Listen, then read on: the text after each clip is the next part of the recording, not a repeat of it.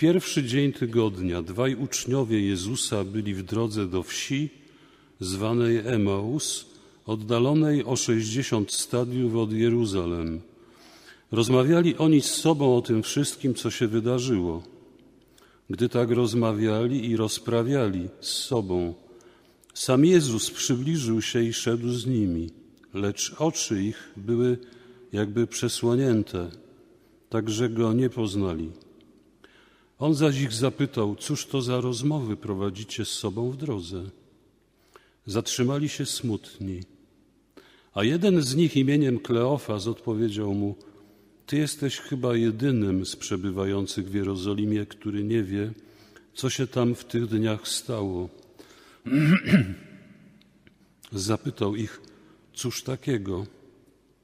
Odpowiedzieli mu, to, co się stało z Jezusem Nazaryjczykiem, który był prorokiem potężnym w czynie i w słowie wobec Boga i całego ludu, jak arcykapłani i nasi przywódcy wydali go na śmierć i ukrzyżowali. A my spodziewaliśmy się, że on właśnie miał wyzwolić Izraela, ale po tym wszystkim dziś już trzeci dzień, jak to się stało. Nadto jeszcze niektóre z naszych kobiet przeraziły nas. Były rano u grobu, a nie znalazłszy jego ciała, wróciły i opowiedziały, że miały widzenie aniołów, którzy zapewniają, iż on żyje. Poszli niektórzy z naszych do grobu i zastali wszystko tak, jak kobiety opowiadały, ale jego nie widzieli. Na to on rzekł do nich: O nierozumni, jak nieskore są wasze serca do wierzenia we wszystko, co powiedzieli prorocy. Czy Mesjasz nie miał tego cierpieć, aby wejść do swojej chwały? I zaczynając od Mojżesza poprzez wszystkich proroków, wykładał im, co we wszystkich pismach odnosiło się do niego. Tak przybliżyli się do wsi, do której zdążali, a on okazywał, jakoby miał iść dalej. Lecz przymusili go, mówiąc: Zostań z nami, gdyż ma się już ku wieczorowi i dzień się już nachylił. Wszedł więc, żeby zostać z nimi.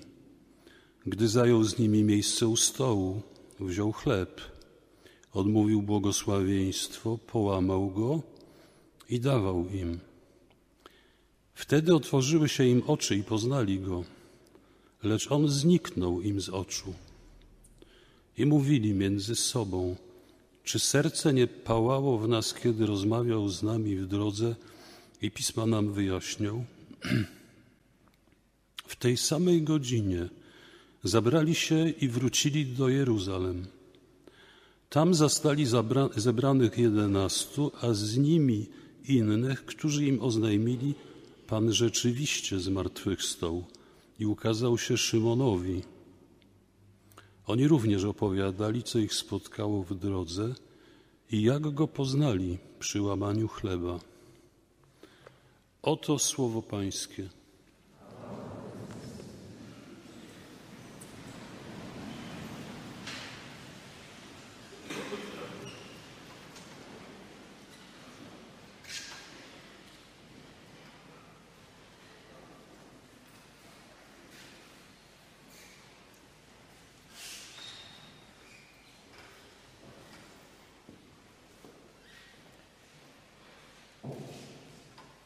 No tak się składa, że y, słuchamy po raz drugi tej Ewangelii w ostatnim czasie. Y, dwa tygodnie temu w niedzielę Zmartwychwstania też słuchaliśmy o uczniach do Emaus.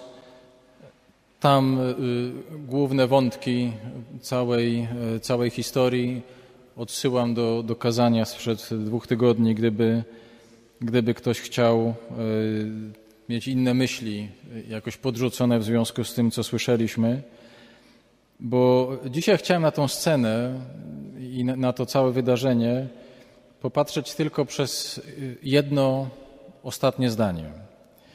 To zdanie, które wypowiadają bohaterowie, mówiąc, że rozpoznali Jezusa, poznali Jezusa przy przełamaniu chleba.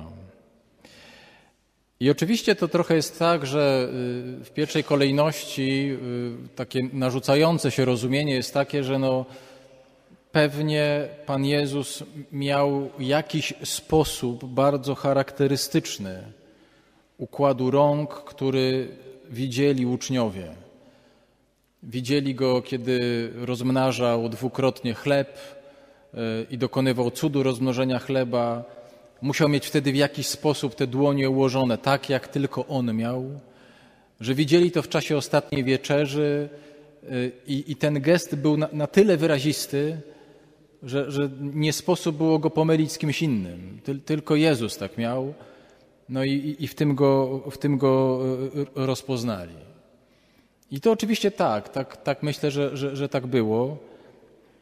Natomiast wydaje mi się, że, że to jest jeszcze coś więcej że to jest coś więcej, y, że, że całość tej sceny, całość tego spotkania i, i tego bycia przy stole z Nim, którego rozpoznali jako Boga, odsłonił im jakiś głębszy sens tego, co to znaczy sprawować Eucharystię. O co mi chodzi? Pamiętacie, że, że w Wielki Czwartek, kiedy przychodzimy w Wielki Czwartek na liturgię, no to słuchamy takiej Ewangelii, y, która opowiada o Eucharystii, o ustanowieniu Eucharystii, ale w taki sposób dosyć dziwny. To znaczy, y, y, słuchamy Ewangelii, w której Pan Jezus umywa uczniom nogi i mówi: To czyńcie na moją pamiątkę. To, to właśnie czyńcie na moją pamiątkę. Potem zadaje im takie pytania: czy, czy rozumiecie, co ja wam tutaj zrobiłem, co się teraz wydarzyło? I oczywiście, że oni nie rozumieją. Oni w ogóle się skupiają zupełnie na czymś innym. I on im potem dodaje: Teraz tego nie rozumiecie, ale potem to zrozumiecie. Myślę sobie, że, że Pan Jezus, y, ustanawiając Eucharystię, nie skupiał się tylko na obrzędzie. Pan Jezus nie skupiał się tylko na tym, że powiedzieć: To czyńcie na moją pamiątkę, to znaczy y, spotykajcie się na mszy świętej. Tylko i wyłącznie, że, że spotykajcie się tak, jak, jak się spotykacie, macie taki sakrament i to czyńcie na moją pamiątkę. Bo to by mogło nas doprowadzić do takiego dosyć powszechnego, niestety, wniosku, który, który panuje gdzieś i krąży po, po kościele, że no, od strony osoby wierzącej, no to najważniejsze jest, żeby tak, wypełniłem czwarte przykazanie, byłem w kościele. Byłem na mszy, tak jak Pan Jezus przykazał. A ja jako ksiądz mogę powiedzieć, celebrowałem mszę świętą. Wszystko na pamiątkę Pana Jezusa. Tylko, że to by nas zatrzymywało tylko na tym, co się dzieje tutaj. Tylko na tym, co się dzieje w tym momencie. Tak jakby dalej to już w ogóle nie, nie istniało.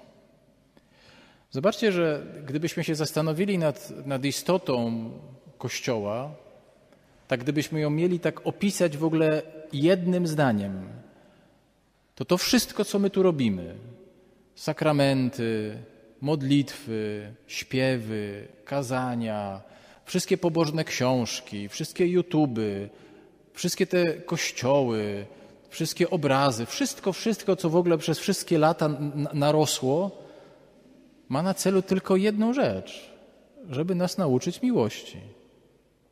Jakbyśmy umieli kochać w sposób doskonały, to, to wszystko mogłoby nie istnieć. Bo byśmy byliby już niepokalanie poczęci. To w ogóle byłoby super. Ponieważ mamy na odwrót, więc to wszystko jest nam jakoś potrzebne. Ale w swojej jakiejś najbardziej prostej i najgłębszej istocie chodzi nam o to, żebyśmy się nauczyli kochać. I mówię to dlatego, bo jak Pan Jezus ustanawiał Eucharystię i mówi, to czyńcie na moją pamiątkę, to jemu chodzi przede wszystkim o to, żeby dochodziło do przemiany naszego serca i żeby dochodziło do przemiany naszych relacji między nami pod wpływem tego, w czym uczestniczymy. Że nie tylko spotkaliśmy się tutaj, ale było super, pocelebrowaliśmy, byliśmy i wyjdziemy, tylko żeby to na, wpływało na nas wewnętrznie. To wszystko, co tu robimy. Śpiewamy, modlimy się, mówimy, wstajemy, siadamy, to wszystko to, to, to ma doprowadzić do tego, żeby żyć Eucharystią na co dzień. I oczywiście, kiedy pewnie słyszeliście to mnóstwo, życie Eucharystią to takie jest bardzo, bardzo pobożne i bardzo wzniosłe.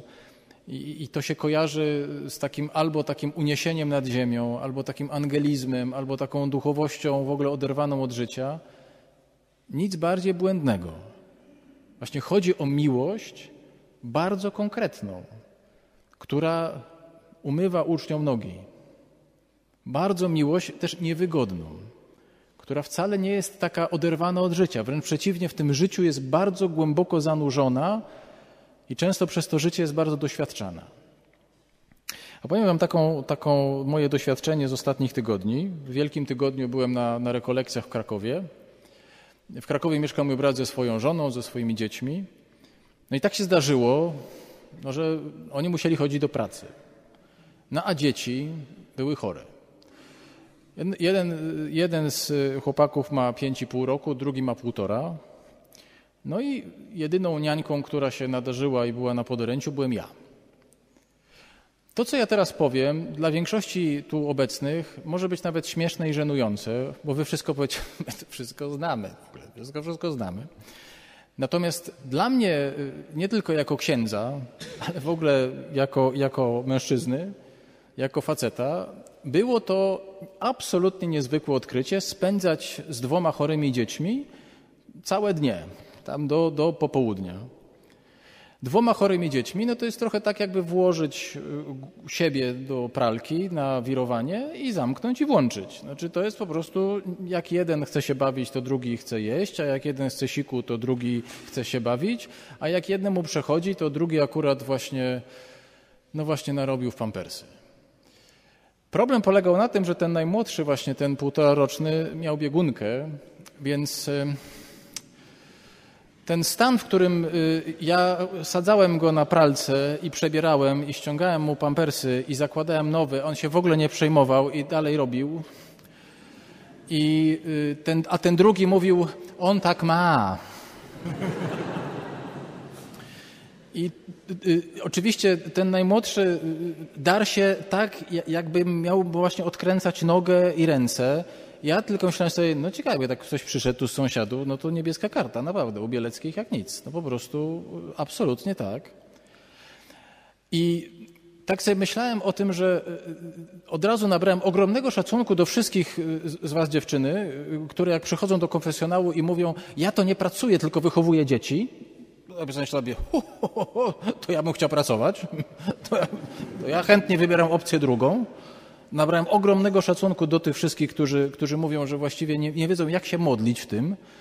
Ja przyznam, że naprawdę też nie wiedziałem.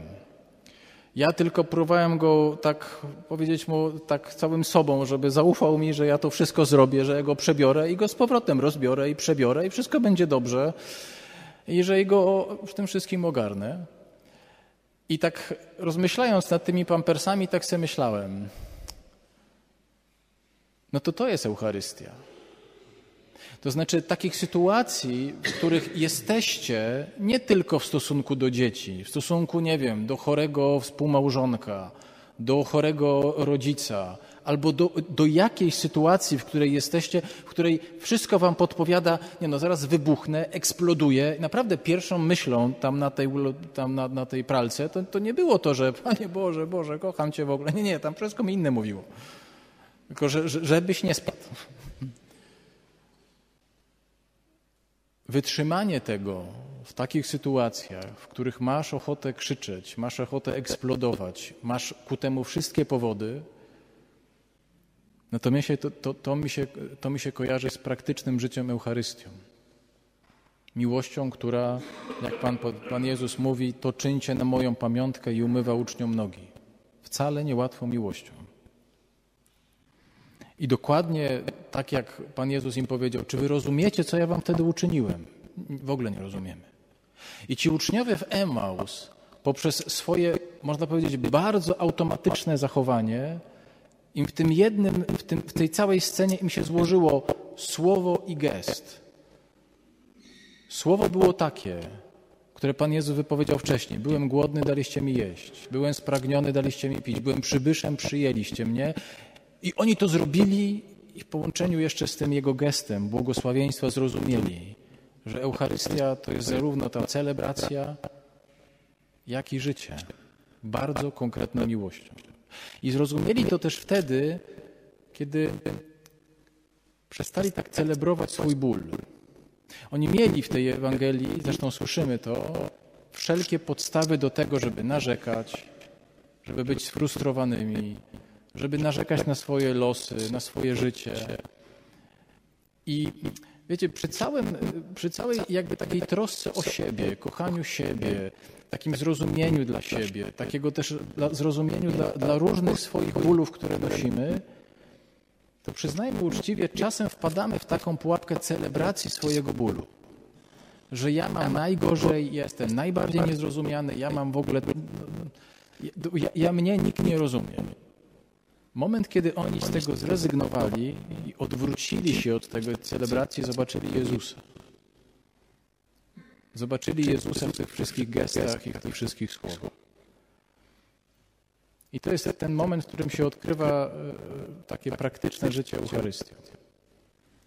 Że ta celebracja, która jest tutaj, ma nas do tego prowadzić, żeby tak funkcjonować w tych wszystkich sytuacjach, w których macie ochotę eksplodować. No to właśnie to. To czynicie na moją pamiątkę.